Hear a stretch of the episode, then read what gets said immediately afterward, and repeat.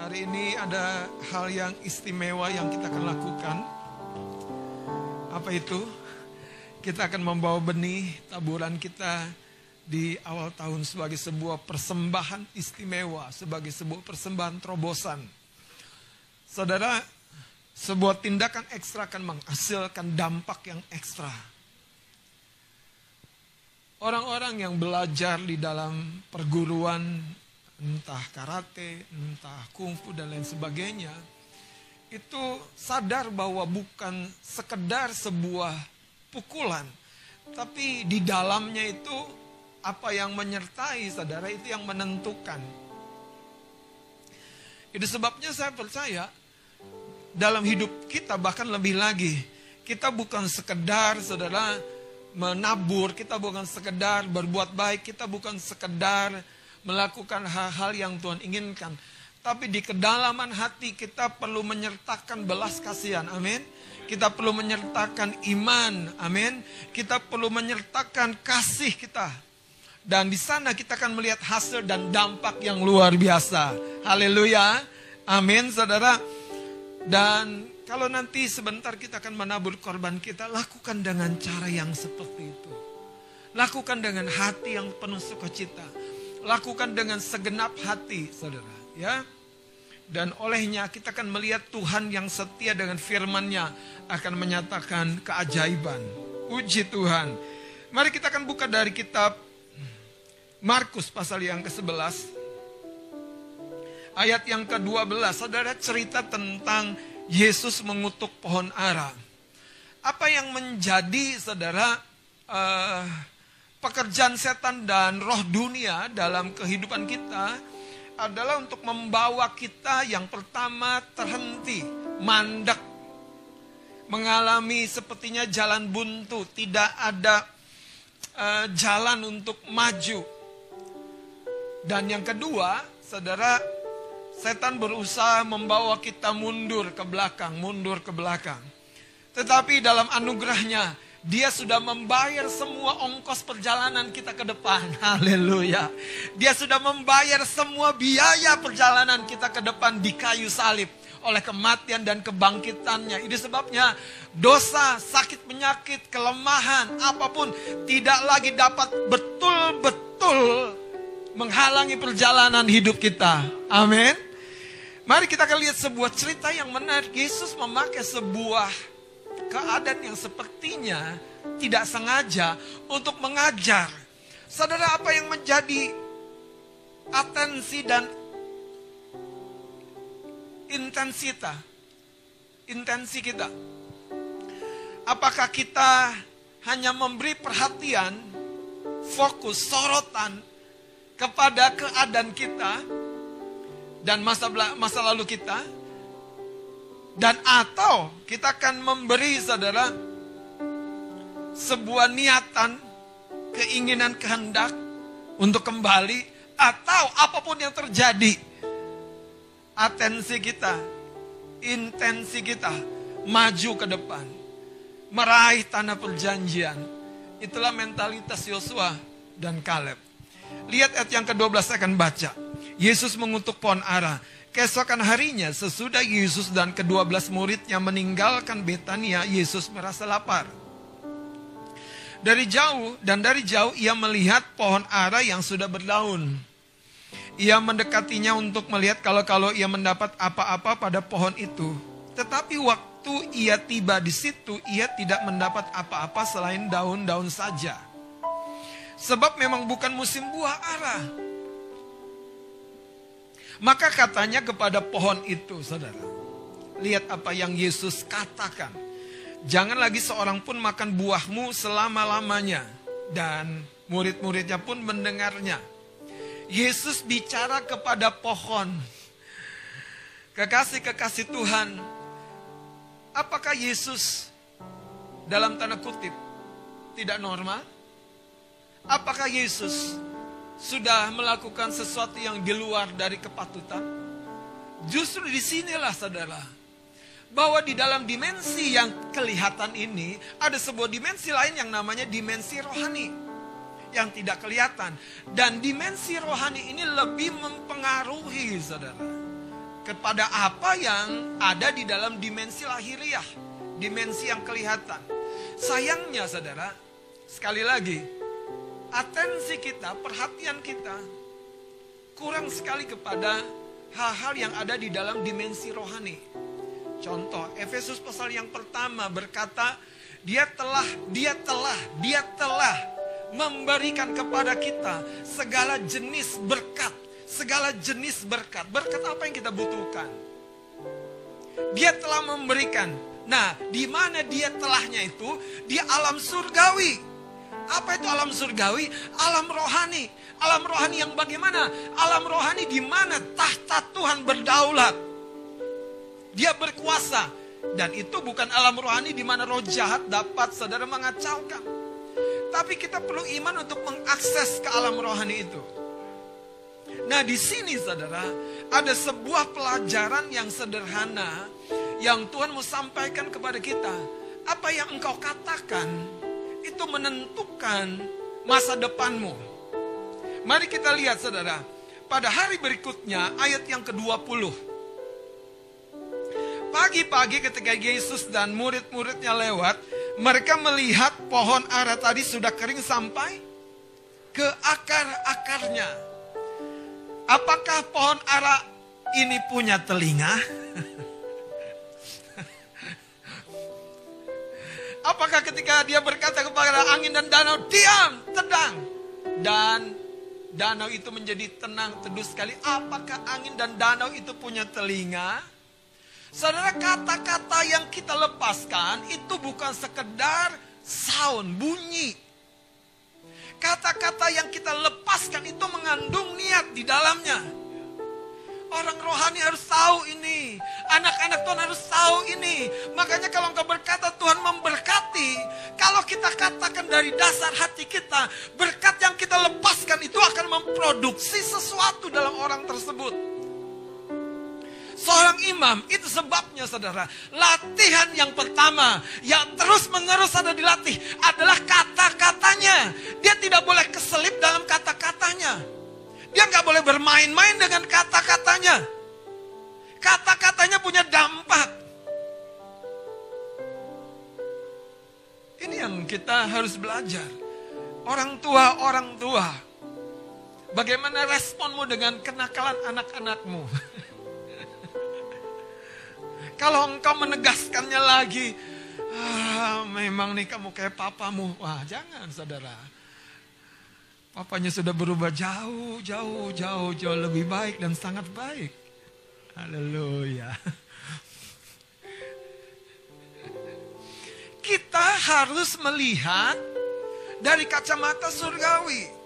Dalam pengertian kita di bumi, kita harus melihat apa yang kita ingin alami. Atau kita harus melihat menurut kata-kata yang kita ucapkan. Kata-kata kita tuh dahsyat sekali. Itu bukan sekedar pengetahuan, saudara. Itu kebenaran. Itu bahkan sebuah hukum. Sebuah aturan. Mari kita akan lihat beberapa ayat dengan cepat yang pertama saudara Matius 12 ayat 37. Menurut kata-kata mula, kata Yesus, menurut ucapan mula engkau akan dibenarkan. Kalau engkau berkata nasibku susah, hati-hati dengan kata-katamu. Dia tidak pernah merancangkan Anda untuk mengalami kesusahan. Dalam tanda kutip ya saudara. Kesusahan-kesusahan yang lahiriah yang datang akibat pekerjaan roh jahat menipu kita. Tidak pernah saudara. Kalaupun dalam tanda kutip saudara, ada cerita tentang Ayub, itu justru untuk membuat Ayub naik dua kali lipat. Dia bukan membuat kita tinggal di sana. Yusuf dijual oleh keluarganya, tapi itu cuma pelintasan, katakan pelintasan. Ayo deklarasikan, kesusahan hanyalah pelintasan. Iya, sakit penyakit kalau ada hari ini hanyalah pelintasan. Iya, harus berkata aku kebaskan. Dan nih, niat Di dalam itu mengalir melalui kata-katamu. Aku kebaskan. Yesus memperagakan sebuah kehidupan rohani yang normal. Gak ada yang berlebih-lebihan. Sayangnya kita sudah merosot begitu jauh. Sampai seolah-olah Yesus itu dahsyat. Haleluya. Padahal Tuhan sendiri yang berkata kamu akan melakukan perbuatan-perbuatan yang aku lakukan. Bahkan lebih besar. Haleluya. Haleluya. Jangan grogi kalau Tuhan berkata kamu dahsyat anakku.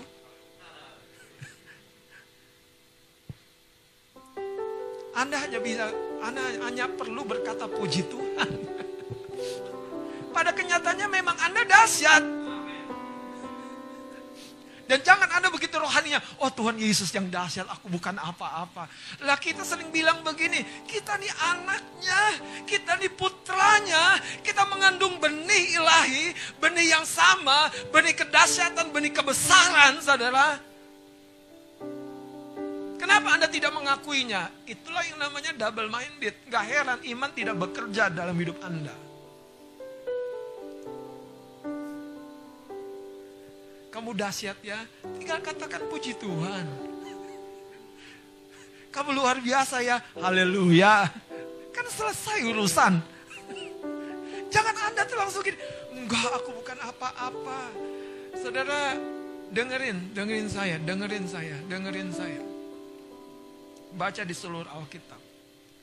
Daud berkata begini, musuh-musuhku tunduk menjilat di bawah kakiku oleh karena Tuhan. Gak tanggung-tanggung dia bilang. Musuh-musuhku tunduk menjilat di bawah kakiku oleh karena Tuhan. Gak ketinggalan kata-katanya. Oleh karena Tuhan, kita akan menaklukkan tahun ini menjadi tahun berbuah lebat. Mengalami berkat ekstra. Baca sama-sama. Ayat 37. 23. Karena menurut ucapanmu engkau akan dan menurut ucapanmu pula engkau akan dihukum. Saudara, inilah makanya perkataan kita tuh penting sekali. Nah, di dalam cerita ini coba perhatikan kembali kepada Markus pasal yang ke-11 ayat yang ke-21, maka teringatlah Petrus akan apa yang telah terjadi. Lalu ia berkata kepada Yesus, Rabi lihatlah pohon ara yang kau kutuk itu sudah kering. Yesus menjawab mereka, percayalah kepada Allah. Modalnya percayalah kepada Allah. Kalau engkau dan saya percaya kepada Allah, mulutmu jangan terkatup mulutmu jangan terkunci. Sekalipun badai gelombang di sekitarmu, mulutmu jangan terkunci. Sekalipun sakit penyakit kekuranganmu di kekurangan di sekitarmu, mulutmu jangan terkunci, saudara. Percayalah kepada Allah. Lihat ayat yang ke-23. Aku berkata kepadamu sesungguhnya barang siapa apa? Apakah gunung punya telinga? Sesungguhnya ini bukan sekedar masalah gunung mendengar atau tidak. Yang di alam roh ini terkendali oleh kata-kata. Engkau dan saya hidup di dalam dimensi ini. Makanya Yesus sebetulnya ketika dia memperagakan pohon ara yang kering sampai ke akar-akarnya, dia bicara tentang doa. Dia bicara tentang doa. Kita langsung saudara lihat Ayat 24-nya, karena itu aku berkata kepadamu apa saja yang kamu minta dan doakan. Apa saja yang kamu minta dan doakan apa? Percayalah. Jadi kekasih-kekasih Tuhan, ini bukan sok-sokan dan gagah-gagahan. Tuhan sedang bicara bahwa di dalam mulutmu ketika engkau berdoa, ada sesuatu yang kau lepaskan yang menentukan apa yang belum terlihat akan terlihat yang menentukan apa yang di masa mendatang akan membawa engkau maju ke sana dan mengalaminya. Kalau kau berkata masa depanku dijamin oleh Tuhan. Masa depanku ajaib terjadi saudara. Masa depanku penuh dengan kemurahan dan kasih sayang Tuhan. Aku akan bertemu dengan orang-orang yang menolongku di sepanjang perjalananku. Terjadi saudara. Terjadi saudara. Ketika Adam dan Hawa diciptakan, apa tugas mereka? Memberi nama kepada seluruh binatang-binatang. Menurut apa yang mereka katakan, demikianlah namanya. Anda tahu, yang di sini nih, itu diucapkan, dan itu mewujudkan sesuatu. Itu sebabnya, saudara, gereja harus masuk dan naik ke level ini. Saya duduk dengan tenang dan saya mulai berkata gereja ini akan penuh dengan kemuliaan Tuhan. Gereja ini akan penuh dengan keajaiban. Tempat ini akan terjadi mujizat kesembuhan. Di tempat ini aku akan melihat hal-hal yang besar terjadi. Saudara, di dalam ini saudara, di batin ini. Ketika engkau ucapkan dengan kata-kata dalam keyakinanmu, itu akan tadi memposisikanmu benar. Iya, engkau menerimanya. Tapi engkau memperkatakan sesuatu yang salah, engkau akan dihukum, kata Alkitab. Dengan cepat kita akan buka kitab Roma pasal yang ke-10. Haleluya. Haleluya. Saya berdoa hari ini kita menangkap sesuatu yang sederhana dan berguna untuk kehidupan kita. Hmm. Lihat ayat yang keempat, Roma pasal yang ke-10.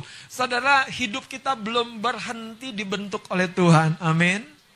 Amin. Amin. Amin. Saya percaya saudara, sebelum saya melihat istri saya, Tuhan sudah menyediakan seorang istri buat saya. Sebelum, jangan ketawa dong.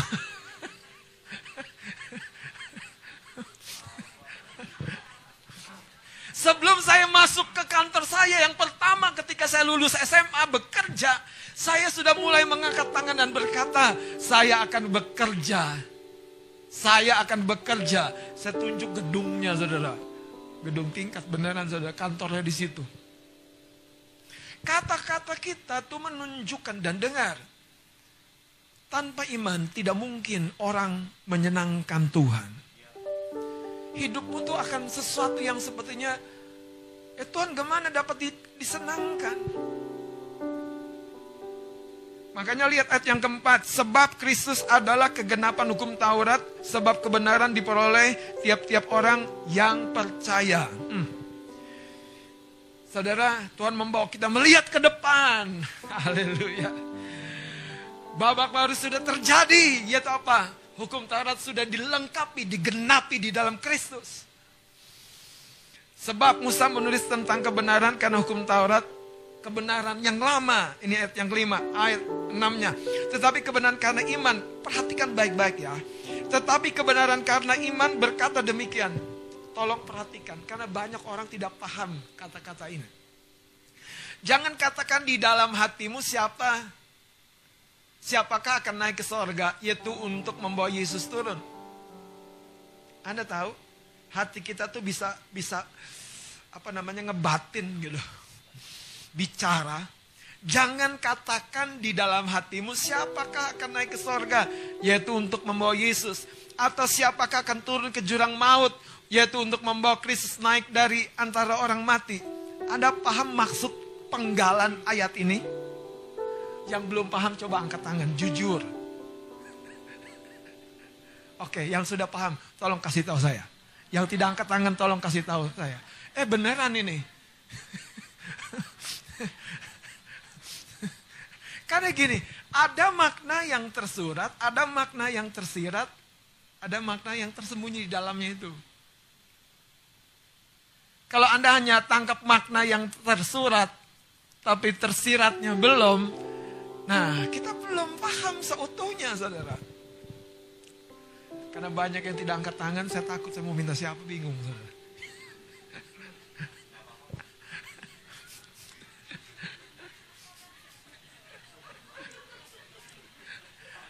Haleluya. Oke. Mari kita lihat saudara, ayat 8-nya. Lihat dimulai dengan kata tetapi, tetapi. Jadi ada sebuah perbandingan kebenaran yang lama itu tadi jangan katakan gini-gini, kebenaran yang baru. Tetapi apakah katanya ini Firman itu dekat kepadamu, yakni di dalam mulutmu dan di dalam hatimu. Firman. Firman. Firman. Firman. Bukan kata-kata, firman. Itu yang saya maksudkan. Firman. Terus saudara, itulah firman iman yang kami beritakan. Sebab jika kamu mengaku dengan mulutmu bahwa Yesus adalah Tuhan dan percaya dalam hatimu bahwa Allah telah, nah ini kaitannya dengan ayat yang di atas. Bahwa Allah telah membangkitkan Allah yang telah membangkitkan dia dari antara orang mati, maka kamu diselamatkan. Jadi maksudnya begini saudara. Dengan cerita tadi Yesus mengutuk pohon ara. Banyak orang bingung prosesnya. Bagaimana Yesus ngomong seperti itu bisa terjadi saudara. Orang yang percaya tidak pusing dengan prosesnya. Itu hal yang paling sederhana yang kadang-kadang menjelimetkan pikiran kita. Betul apa betul? Dari mana nanti datang calonku? Ya di gerejaku cewek semua. Saya mau kasih tahu saudara, inilah momennya. Anda justru akan menarik, membawa pria-pria datang. Haleluya. Loh, ini bukan sekedar saudara sesuatu yang ya bang benar, ya saya percaya Pak Pendeta. Saya memberitahu saudara.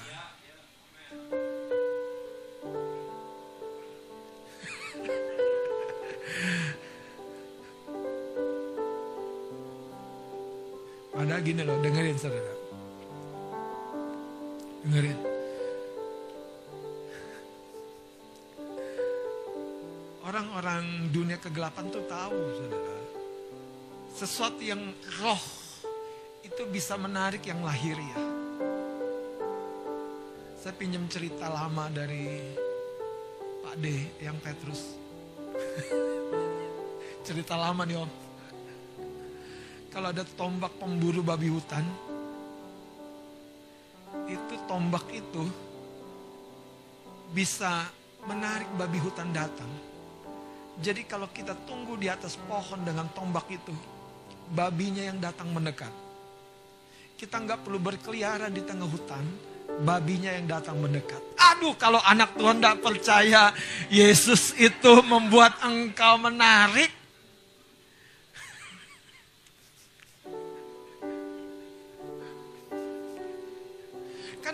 Begini saudara, ini yang sering kali terabaikan, dengerin saya.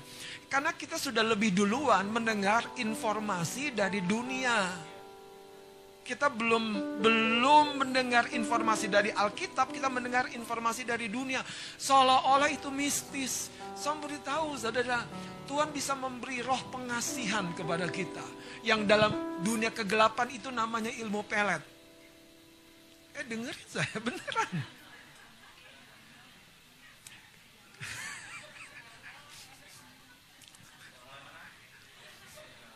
Masalahnya sekali lagi, Tuhan tuh ingin dimensi roh kita tuh hidup bukan hanya untuk urusan yang lahiriah itu. Tapi untuk menyatakan surga, rancangannya di dalam dan melalui hidup kita tergenapi. Amin.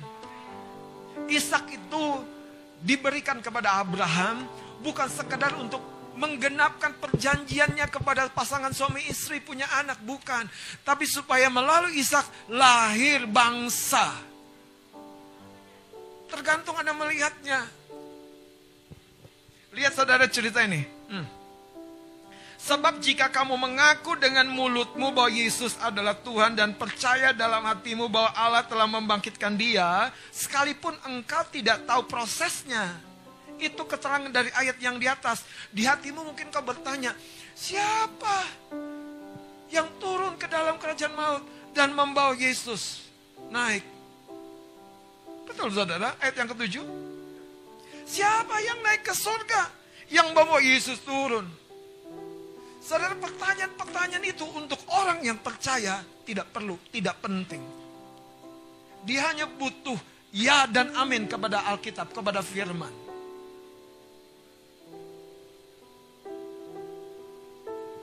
Makanya ayat 11 dikatakan, ayat 10 dulu. Karena dengan hati orang percaya. Percaya itu nggak bisa dibayar. Tapi dengan hatimu. 12 orang murid Yesus. Satu orang percayanya radikal sekali namanya Simon Petrus. Satu orang saudara terkenal dengan ketidakpercayaannya yaitu Thomas. Kenapa bisa? Ya bisa. Mereka dikasih, ya dikasihi. Mereka diterima, diterima. Mereka murid Tuhan, murid Tuhan semuanya. Tuhan gak pilih-pilih. Makanya saya mau beritahu, siapa pun kita, di tangan Tuhan ada masa depan yang pasti. Anda kalau lewat lingkungan, bernubuatlah. Aku akan punya rumah, aku akan tinggal di rumah seperti ini. Kalau Anda lihat kantor-kantor, bernubuatlah. Aku akan bekerja, bahkan memiliki usaha-usaha seperti ini, bahkan lebih. Kenapa saudara? Kembali kepada Markus pasal yang ke-11. Karena begini saudara, Tuhan memberikan sebuah apa namanya area yang luas sekali untuk kita hidupi, untuk kita nikmati, untuk kita jalani. Tuhan sampai bilang begini, mengutuk pohon ara. Sesuai dengan kehendak Tuhan enggak? Pertanyaannya justru sekarang Anda harus balik. Berlawanan dengan kehendak Tuhan enggak? Mengutuk pohon ara. Nah gitu saudara. Dan kalau hal-hal kecil sepele gini Anda masih bingung, nah itu nggak heran. Nggak heran, nggak bisa. Kita nggak bisa nangkap lebih jauh lagi. Iya saudara. Tuhan menghabisi Mesir dengan sepuluh tulah yang begitu dahsyat sekali hanya untuk mengeluarkan satu bangsa. Anda tahu, waktu Yesus lahir, jerit tangis keluarga-keluarga yang anak-anaknya dua tahun ke bawah dibunuh mati. Musa lahir, jerit tangis di mana-mana saudara. Tapi yang satu itu, Yesus dan Musa harus hidup. Anak punya tujuan yang besar. Apakah Tuhan tidak mengasihani orang yang meninggal diminasakan? Tuhan mengasihani. Tapi hidup ini saudara, ada yang mengendalikannya, itu sebabnya kalau hari ini engkau mendengar firman, engkau ada di sini dan engkau siap mengalami berkat Tuhan. Engkau adalah bukti keajaiban Tuhan. Kasih tahu kanan kirimu, engkau adalah bukti keajaiban Tuhan.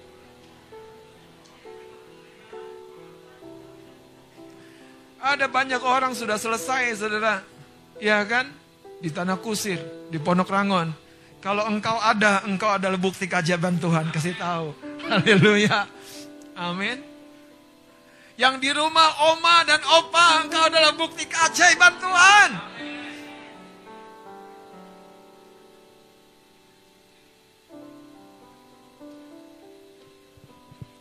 Baik.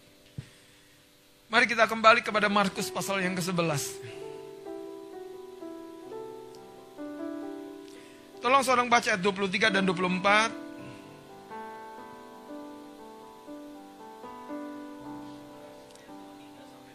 Ya. Sesungguhnya barang siapa berkata kepada gunung ini, beranjaklah dan tercampaklah ke dalam laut, hmm. asal tidak bimbang hatinya, tetapi percaya bahwa apa yang dikatakannya itu akan terjadi, maka hal itu akan terjadi baginya. Mulai masuk akal ya.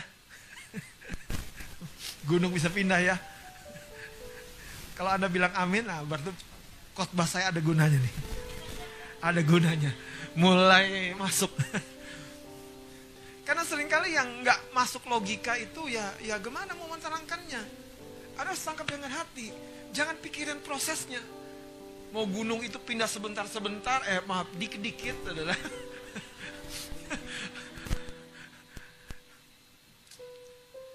Musa itu teledor dalam kata-katanya, saking dia apa disungut-sunguti oleh orang banyak Tuhan bilang apa? Ngomong sama batu ini jangan kau pukul.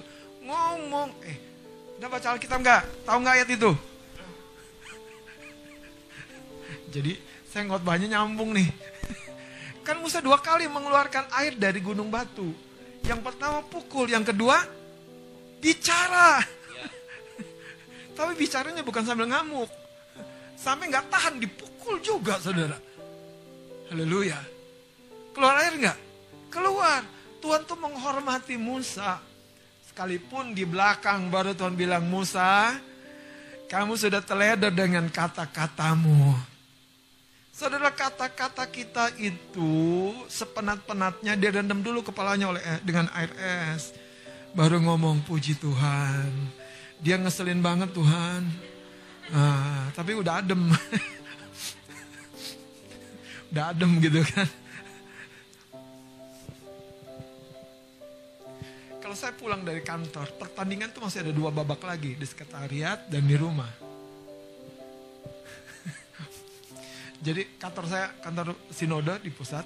Nah sebelum memasuki pertandingan yang kedua, kadang-kadang saya harus mandi dulu. Mandi aja, udah adem. Nah udah lumayan. Sampai rumah saudara, pertandingan lagi. Menghadirkan surga di rumah. Anda tuh bukan gini, aku harusnya sampai rumah ya tempat aku untuk istirahat lah tempatku untuk di, di, di apa namanya dilayani, dijamu. Enggak, Anda pelayan. Jangan tukar identitasmu. Engkau pelayan. Karena itu saudara, dengan identitas yang besar dan berharga ini, hidupmu akan menikmati apa? Kehormatan. Ayat 23 lihat. Aku berkata kepadamu, sesungguhnya barang siapa berkata kepada gunung ini beranjaklah dan tercampaklah ke dalam laut. Asal tidak bimbang hatinya tetapi percaya. Mari kita kembali kepada Roma pasal 10. Dua ayat ini aja. Eh dua bagian Alkitab ini aja sering kita maju mundur, maju mundur, maju mundur. Haleluya. Coba lihat saudara, percaya itu dari mana? Mendengar. Anda kalau lagi lemah, mau doa, ah, baca firman dulu. Iya saudara. Ini nasihat yang benar saudara. Dengar khotbah abang dulu. Nggak terlalu pede, benar saudara. Wong saya aja dengar khotbah saya sendiri saudara, berkali-kali. Dan nggak tahu ya, khotbah saya sendiri bisa membangkitkan iman saya lagi. Saya pikir pendeta siapa itu ya? Ih, Perasaan itu bukan dari pikiran saya. Eh beneran. Beneran. Lihat saudara begini. Iman timbul dari pendengaran. Pendengaran akan firman Kristus. Jadi kalau Anda dalam pergumulan. Jangan sekedar doa. Cari firman. Nikmati firman. Makan firman. Kenapa? Karena ada hukumnya. Kalau engkau di dalam aku, aku di dalam engkau. Kalau firmanku, kata Yesus tinggal di dalam kamu. Minta wow, wow. Apakah Anda nggak amazed gitu? Minta apa saja. Ya. Beneran saudara? Ya udah deh, kita lihat ayat ini dulu. Supaya fair, baru kembali ke Roma pasal 10 ya. Lihat, saudara, Yohanes pasal 15, ayat yang ketujuh, tolong langsung seorang baca. Yohanes 15 pas ayat yang ketujuh. Iya. Jikalau kamu tinggal di dalam aku. Jikalau kamu, kata Yesus tinggal di dalam aku, kata Tuhan. Bisa nggak? Bisa. Dengan apa? Dengan iman. Bukan tubuh Anda. Kenapa? Karena Anda yang sejatinya itu bukan yang hitam, kuning, putih, sawo matang, sawo kematangan, kejemur. Yang tinggi, besar, kecil, pendek. Bukan. Anda yang sejatinya itu yang roh ini Amen. yang tinggal di dalam Amen. tubuh ini. Amen itu yang masuk ke dalam kerajaan surga. Yang tubuh ini cuma casing sementara ditinggalin. Berapa besar investasinya di yang kepada yang Anda tinggalin itu? Aduh, kalau terlalu besar sayang sekali. Coba lanjutkan.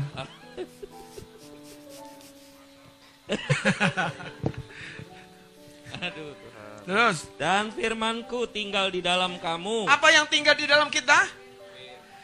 Kapan Tuhan tinggal di dalam diri kita? Waktu kita terima Yesus. Aku percaya engkau ada Tuhan dan Juru Selamatku. Dia tinggal di dalam kita.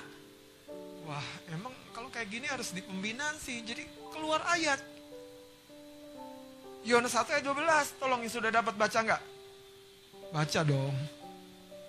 Yohanes 1 ayat 12. Iya. Tetapi semua orang yang menerimanya, iya. diberinya kuasa. Iya supaya menjadi anak-anak Allah. Amin. Yaitu mereka yang percaya dalam namanya. Jadi Yesus sudah tinggal dalam diri kita. Nah sekarang lihat kembali kepada Yang tadi. Tangan saya kurang berkuasa.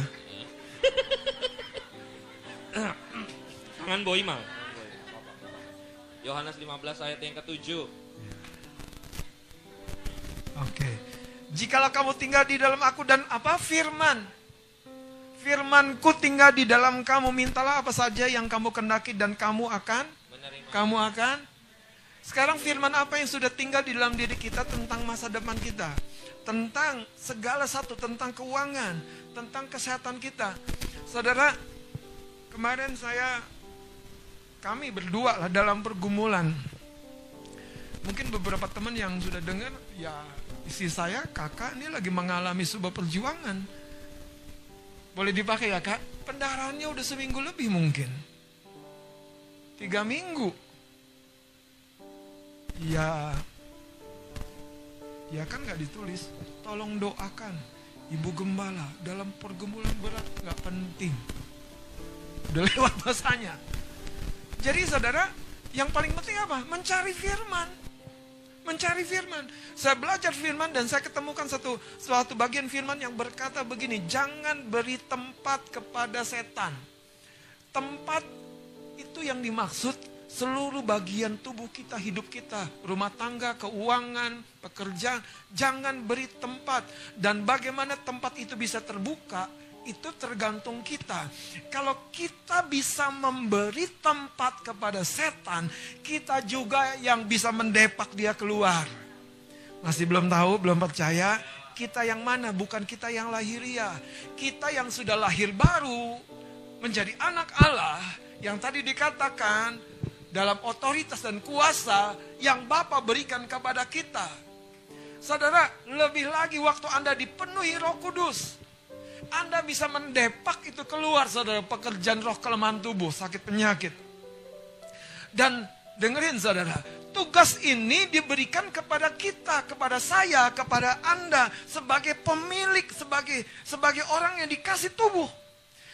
Tuhan tidak menugaskan saudara, maaf ya, binatang-binatang, burung-burung udara, buaya untuk menjaga Taman Eden. Tapi Tuhan menugaskan Adam untuk menjaga, memelihara, mengembangkan Taman Eden sambil dia memberikan otoritas dan wibawanya itu. Masalahnya saudara, waktu Hawa membuka kepada dialog, kepada setan, pintunya terbuka, masuklah dia saudara menipu. Saya berdoa hari ini saudara, waktu Anda mendapati firman, tinggal di dalam kita. Firmanku tinggal di dalam kita. Mintalah apa saja dan dalam kata minta kembali kepada Markus 11 katakan waktu kami doa saudara kami doa kadang-kadang jawaban Tuhan itu sederhana kadang-kadang ya Tuhan tuh ngomong melalui media yang beragam saya cuma tangkap satu perkataan sudah selesai dan kalau dia ngomong sudah selesai saya pinjam kata-kata itu yang di dalam ini. Sudah selesai. Saya perkatakan sudah selesai. Sudah selesai. Anda tidak perlu bergumul. Itu saudara poinnya. Doa puasa. Anda firman di dalam kita. Anda tuh dahsyat sejatinya. Setan takut sejatinya. Makanya dia berusaha menipu Menipu apa? Supaya Anda memberikan begitu banyak atensi kepada masa lalu. Masa lalu. Intensi kita yang kedua, niat kita itu kepada masa lalu. Tapi kalau kita kepada masa mendatang, kepada apa yang Tuhan sudah perbuat di alam rohani ini, dia tidak akan berkutik, saudara. Peragan Yesus membuat pohon ara mati layu, kering sampai ke akar-akarnya. Itu bukan untuk memberikan sebuah impresi dia dasar sekali. Dia justru untuk bilang, anak-anakku, itu suatu peragaan yang akan kamu alami. Itu satu peragaan yang sebetulnya aku beri sebagai sebuah bukti kehidupan yang sama itu ada di dalam dirimu. Kalau engkau berkata, saudara, kepada kehidupanmu, hal yang buruk, yang negatif bisa terjadi. Tapi kalau kau berkata kesembuhan, kesehatan, kehidupan yang prima, hikmat dan pengertian, itu akan terjadi. Kenapa? Karena semuanya adalah sesuai dengan firman Tuhan. Sebagai penutup, mari kita kembali ke Roma pasal yang ke-10.